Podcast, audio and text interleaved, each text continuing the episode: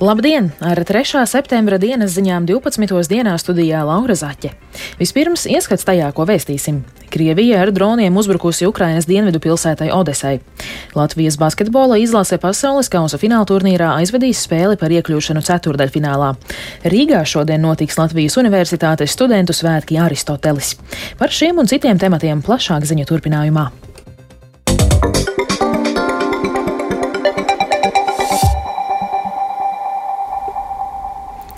Latvijas vīriešu basketbola izlase jau pēc aptuveni 40 minūtēm sāks pasaules kausa fināla turnīra spēli pret Brazīliju. Šī ir viena no visu laiku atbildīgākajām spēlēm pašmāju basketbola vēsturē, jo tās likme ir ceļazīme uz pasaules labāko astoņnieku. Uzvarētāja iekļūs ceturdaļfinālā un turpinās cīņu gan par turnīra medaļām, gan par ceļazīmi uz Parīzes Olimpiskajām spēlēm. Savukārt zaudētājiem būs jābrauc mājās. Spēle sāksies 15 minūtes pirms vieniem dienām, un tai sekot līdzi varēs kanālā TV3. Šobrīd mums tiešraidē ir pievienojies Latvijas radio sporta žurnālists Mārtiņš Kļavinieks, kurš par gaidāmo dueli pastāstīs vairāk. Sveiks, Mārtiņ! Stāstīt, cik spēcīga ir Brazīlijas izlase un ko varam gaidīt no šodienas spēles. Sveika, Laura, un sveika arī Latvijas radio pirmā kanāla klausītāji. Jā, nu, lai gan kopējā uzvaru zaudējuma bilants Latvijai un Brazīlijai ir identiska, trīs uzvaras un viena neveiksme šajā turnīrā, bukmeikeri tomēr nelielu favorītu status pirms spēles atvēl pretiniekiem, bet, nu, tas arī saprotams, tomēr titulētāka komanda un eh, ļoti daudz spēlēs pasaules eh, kausā, kādreiz to sauc par pasaules čempionātu. Brazīlijas komanda vienīgo šajā turnīrā mm, zaudējumu cieta pret Spāniju, bet uzvarējusi gan gan ziloņkalu krastu, gan Irānu, gan arī vienu no favorītēm Kanādu. Un ja pret pirmajām trim pretiniecēm brazīlieši spēlēja dinamiski un ātri, tad pret kanādiešiem, kas līdz šim viņa pēdējā spēle pilnībā pārslēdzās uz tā saukto, nu, varētu to teikt, ka vai saukt par veco basketbolu. Ilgi driblēja uzbrukumā un metienu izdarīja tikai pēdējās sekundēs. Tas nostrādāja, jo pārsteidza kanādiešus, bet Latvija tam gan esot gatava. Nu, vairāk uh, jau tuliņi pastāstīs Latvijas izlases treneris Artūrs Visotsks Rubens. Formula ir vienkārši. Aizējām, uzvaram, braucam uz uh, fināla astotnieku, uz Filipīnām, zaudējam, braucam mājās. Pat galvenā lieta ir, ka viņi var savu stilu pilnībā mainīt. Ja jūs pasakojat viņam līdz čempionāta laikā, viņi bija tāda dinamiska komanda, ja, tad pēkšņi uz Kanādas spēli viņi nomaina pilnībā savu stilu un uzbrūk pēdējās astoņās sekundēs. Jā, tā kā mēs gatavojamies principā vienam stilam, otram stilam un nezināmajam. Jā, basketbolu mēs mākam spēlēt. Mums galvenais ir neatslābt, izārstēt brūces, notīrīt nedaudz pretinieku asins no formām, lai ar svaigumu varam iziet un cīnīties par principā nu, nebijušiem nu, tādu. Daudz negaidīja, ka mēs tur būsim, ja, tad, tad tā iespēja ir jāizmanto. Kā treneris teica, iepriekšējās visas cīņas bija, lai uh, turpinātu dalību turnīrā. Šī cīņa ir, lai kaut ko sasniegtu. Tālāk Artūrs Visockis Rubens, Latvijas eh, izlases eh, treneris. Latvijas komandas aizsargs Artūrs Kuruts sarunā ar Latvijas televīziju paudi, ka pret Brazīliju jāspēlē fiziski un aktīvi, ar kontaktu pa visu laukumu, jo pretiniekiem vairāk patīkot mierīgāk. Cīņas gaisotne Brazīlijai ir augumā liela un atletiska basketbolistu komanda. Eh, tur arī Nacionālās basketbola asociācijas kādreizējais pārstāvis, 40 gadus vecais saspēles vadītājs Marceliņu Uertas, viens no viņu līderiem, bet Latvijas izlase līdz šim turnīrā pierādījusi, ka uzbrukumā katrā spēlē spēlē atrodas kāds cits līderis, piemēram, pret Franciju. Tie bija Artošs Žagars un Rolands Šmīts, pret Spāņiem Dāvis Bartāns, Kristers Zoriks un Andrejs Gražulis. Aizsardzībā daudz būs atkarīgs no visa piecinieka sekmēm, bet atslēga noteikti atkal būs Rodions Kuruts, kurš šajā turnīrā tieši savā laukuma pusē spēlē teicami. Tā kā gaidām cīņu, tā tad 12,45 minūtes, um, tad arī tā sāksies tieši raida TV3 būt vai nebūt Latvijas basketbola izlasē pasaules kausa debijā labāko astoņniekā. Turam īkšķus un sekojam līdzi. Jā, turēsim īkšķus. Paldies! Tas bija Mārtiņš Kļavinieks ar ieskatu šodien gaidāmajā Latvijas izlases basketbola spēlē pret Brazīlijas valsts vienību.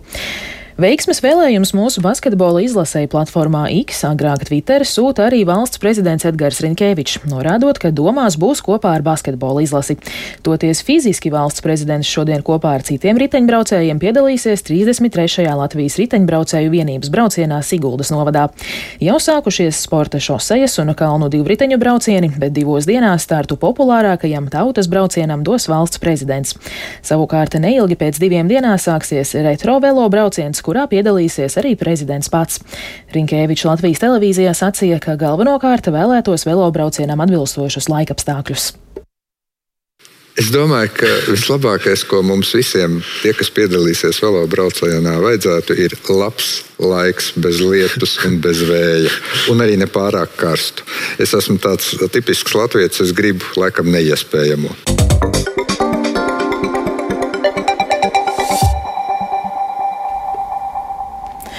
Krievija aizvadītajā naktī sarīkojusi masveida dronu uzbrukumu Ukrainas dienvidu pilsētai Odesai. Ukrainas bruņoto spēku pārstāvji vēsta, ka Krievijas uzbrukumi kārtējo reizi bija vērsti pret civilās infrastruktūras objektiem. Tikmēr Ukrainas bruņoto spēku pretuzbrukuma operāciju intensitāte Zaporīžas apgabalā turpina pieaugt, piespiežot Krievijas armijas pavēlniecību uzsākt karaspēka pārdislokāciju uz apgabalu no citiem frontes līnijas sektoriem. Vairāk par jaunāko Ukrainā Rustama Šukūrova ierakstā. Kā vēsta Ukrainas bruņoto spēku gaisa spēku pavēlniecība, Krievija ostas pilsētas Odesas virzienā palaida vairākus desmitus Irānas piegādāto kamikadze tipa kaujas dronu Shahed. Droni tika palaisti no Krievijas okupētās Krimas pussalas un Krasnodaras apgabala Primorskā-Htarskas pilsētas. Ukrainas gaisa spēku vienības pretgaisa operācijās iznīcināja 22 kamikadze dronus. Ukrainas armijas operatīvais štābs Dienvidi paziņojis par trāpījumiem Odesas jūras ostas un Donavas upes ostas infrastruktūras objektiem. Krievijas triecienu rezultātā vienā no objektiem izcēlās ugunsgrēks, kuru ugunsdzēsēji ātri likvidēja, teiks štāba paziņojumā. Krievijas uzbrukumos ir vairāki cietušie, bet neviens cilvēks nav nogalināts. Ukrainas armijas operatīvā štāba dienvidu preses dienesta vadītāja Natāļa Humiņuka telekanāla Frīda Mēterā pavēstījusi, ka Krievija aizvadītajā naktī bija palaidusi Odesas virzienā Irānā ražoto izlūkošanas tipa dronu Mohadžar. Цей безпілотник він, хоча і з'явився в арсеналі. Šie droni parādījās Krievijas armijas arsenālā praktiski vienlaikus ar šahediem, taču tie nav kamikādze tipa droni. Tie ir operatīvi taktiskā līmeņa droni, kas domāti informācijas ievākšanai, bet tos var arī aprīkot ar sprākstvielām un īstenot triecienus no gaisa. Ukrainas gaisa spēku vienības notrieca šo dronu. Šī drona palaišana varētu liecināt gan par izlūkošanas mēģinājumiem, gan gan par mēģinājumiem terorizēt cilvēkus no gaisa, kā ienaidnieks to dara gar visu frontes līniju.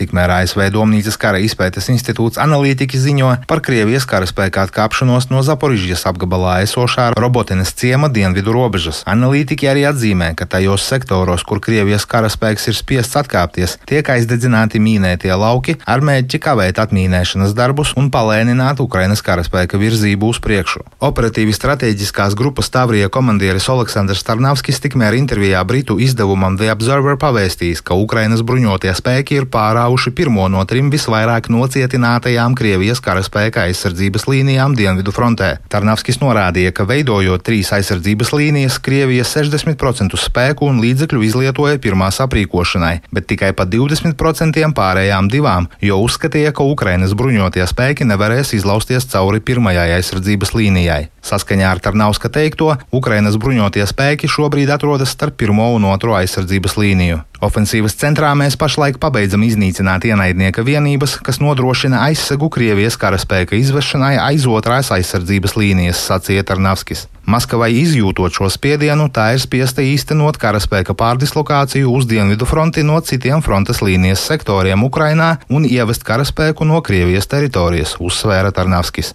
Rustam Šukurovs, Latvijas Rādio.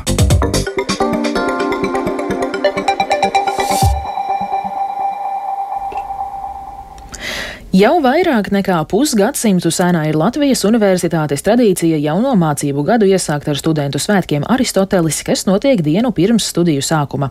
Arī šovakar Rīgas centrā pulcēsies jaunie un esošie studenti, kā arī mācību spēki, lai vienotos gan svinīgos rituālos, gan jautrās izdarībās. Kādas ir svētku tapšanas aizkulises un kādas ir studentu noskaņas brīdi pirms jaunā mācību gada sākuma, lai to noskaidrotu Baiba Kušķa tikās ar Latvijas universitātes studentu padomes pārstāvjiem. Sveiki! Labdien! Tā mēs dosimies uz uh, biroju tālu. Mm -hmm. Latvijas Universitātes centrālajā ēkā tiekos ar studentu padomus pārstāvēm Lauru Šīraku un Lieni Eglīti.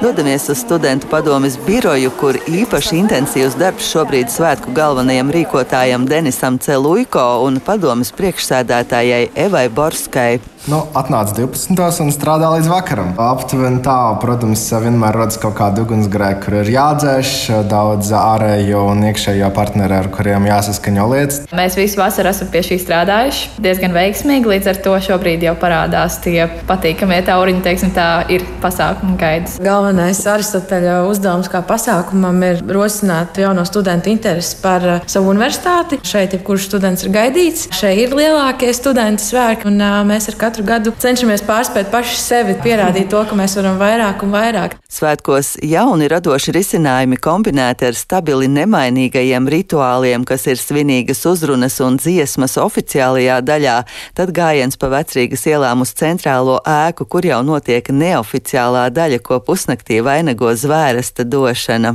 Visi metas ceļos, rektors lasa zvērstu, visi zvēr līdzi un ir forša atmosfēra, un tad mēs visi jauki dziedam studentu himnu. Līdzās valsts augstākajām amatpersonām svētku oficiālajā daļā klātesošos uzrunā arī studentu padomes vadība, un padomes priekšsēdētāja Eva Borska izcels gan plašās iespējas, ko studentiem piedāvā studiju un arī ārpus studiju dzīve, gan arī nevairīsies vērst uzmanību uz netik pozitīviem aspektiem. Mūsu izglītības problēmām, kas ir vairāk nacionāla līmenī, finansējuma trūkumam un daudz kam citam, par cik arī klātesoši būs tiešām valdības valdības pārstāvji. Denis Celuiko kā vislielāko problēmas sakni min to, ka ne augstākās izglītības, ne zinātnes finansējums joprojām nav atgriezies pirms krīzes līmenī, un runa ir par 2008. gada krīzi pirms 15 gadiem. No finansējuma trūkuma loģiski ir ierobežotas attīstības iespējas, kas neļauj nodrošināt konkurētspējīgas ar privāto sektoru algas pasniedzējiem, kur nu vēl piesaistīt pasaules līmeņa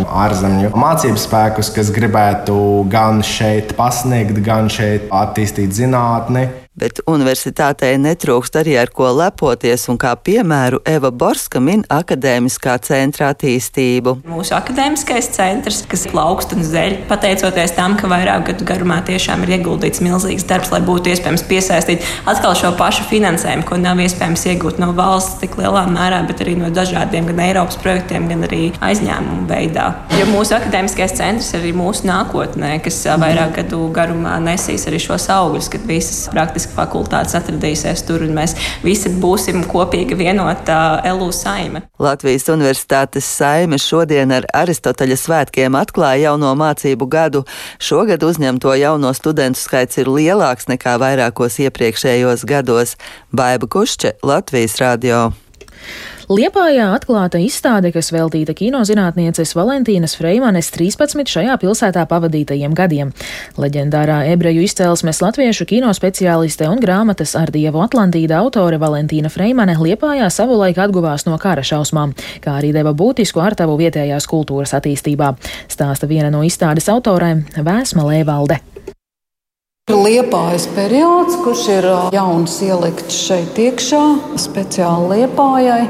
Un tas ir kultūras kults Liepājā. Nosaukums ir dots, jo viņa bija tā, kas ar visu savu darbību, ar to liepājas radošās inteliģences, mobilizēšanu, pulcēšanos Un visvairāk jau ar publikācijām laikrakstā komunists, kur viņa vēlāk strādāja par atbildīgo sekretāru. Viņa panāca to, ka patiesībā visa liepais sabiedrība apjauta, cik būtiski ir māksla, kultūra. Ar to izskan 3. septembra dienas ziņas. Producente Vija Bremse ierakstus montēja Kaspars Groskops, pieskaņu pults Katrīna Bramberga, bet studijā Laura Zaķe. Vēl tikai par laikapstākļiem. Yeah. Gaisa temperatūra Rīgā šobrīd ir 17 grādi un pūš dienvidu rietumu vējš 3 m2. Atmosfēras spiediens 768 mm, bet relatīvais gaisa mitrums 77%. Šodien Latvijā mainīgs mākoņu daudzums, vietām gaidāms īslaicīgs lietus un iespējams pērkona negaiss. Pūtīs lēns vējš 2,5 m2, bet negaisa laikā tas būs brāzmains. Gaisa temperatūra valstī no 18 līdz 22 grādiem. Arī Rīgā mainīgs mākoņu daudzums un gaidāms īslaicīgs lietus, pūš lēns vējš un gaisa temperatūra sasniegs līdz 19-20 grādiem. Bet laika prognoze šodienai ir otrā, tā ir labvēlīga.